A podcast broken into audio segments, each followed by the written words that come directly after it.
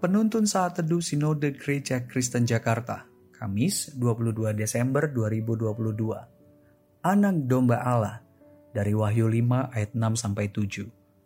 Maka aku melihat di tengah-tengah tahta dan keempat makhluk itu dan di tengah-tengah tua-tua itu berdiri seekor anak domba seperti telah disembelih, bertanduk tujuh dan bermata tujuh.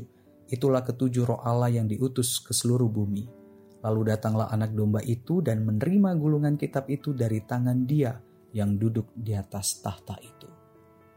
Saudara, konsep teologi pengorbanan yang Allah tetapkan kepada orang Israel dalam perjanjian lama adalah bahwa yang dipersembahkan untuk menjadi kurban penghapus dosa yaitu anak domba. Mengapa demikian? Karena anak domba menggambarkan keberserahan, ketaatan, meski sering kali dianggap sangat lemah. Yang dianggap lemah justru taat penuh. Inilah yang digenapkan dalam diri Kristus Yesus yang disebut anak domba Allah. Dia dipandang lemah oleh dunia ini, namun justru berserah taat penuh kepada Allah. Dalam Live Application Study Bible dijelaskan bahwa ketika seorang dari tua-tua memanggil Rasul Yohanes untuk melihat kepada singa dari suku Yehuda itu, namun ketika dia melihat, dia melihat seekor anak domba Anak domba itu adalah Kristus Yesus yang menjadi kurban sempurna untuk menebus dosa seluruh umat kepunyaan Allah. Hanya Kristus yang sanggup menyelamatkan mereka dari peristiwa-peristiwa mengerikan yang dinyatakan dalam gulungan kitab tersebut.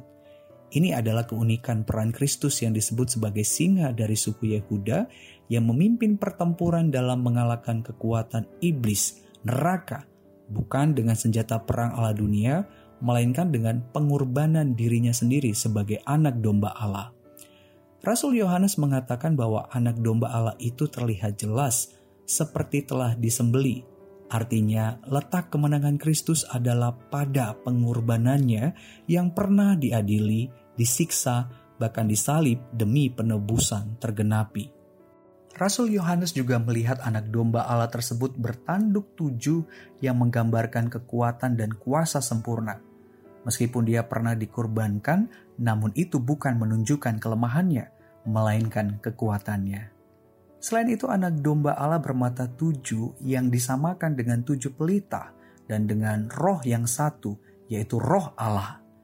Allah memberikan otoritas penuh kepada sang anak domba untuk membuka gulungan kitab sebagai apresiasi tertinggi dari pengorbanannya yang sempurna di hadapannya.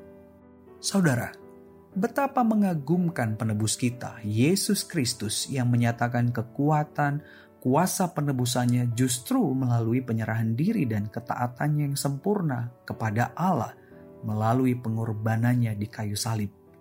Kita yang tinggal di dalam Kristus pun terus dibentuk untuk memahami dan mengaplikasikan bahwa kekuatan kita bukan terletak pada apa yang kita miliki, melainkan keberserahan diri, ketaatan kita kepada Allah. Meskipun dunia ini menganggap kita lemah, hina, tak berarti. Namun di dalam Kristus, Sang Anak Domba Allah, kita menjadi kuat, berarti, dan bernilai kekal. Saudara, jika singa dari Yehuda menunjukkan kekuatan, maka anak domba menunjukkan ketaatan. Keduanya adalah satu kesatuan yang ada di dalam Kristus Yesus. Kekuatannya ditunjukkan melalui ketaatannya sampai mati di kayu salib demi penebusan, penyempurnaan bagi umat Allah tergenapi. Tuhan Yesus memberkati.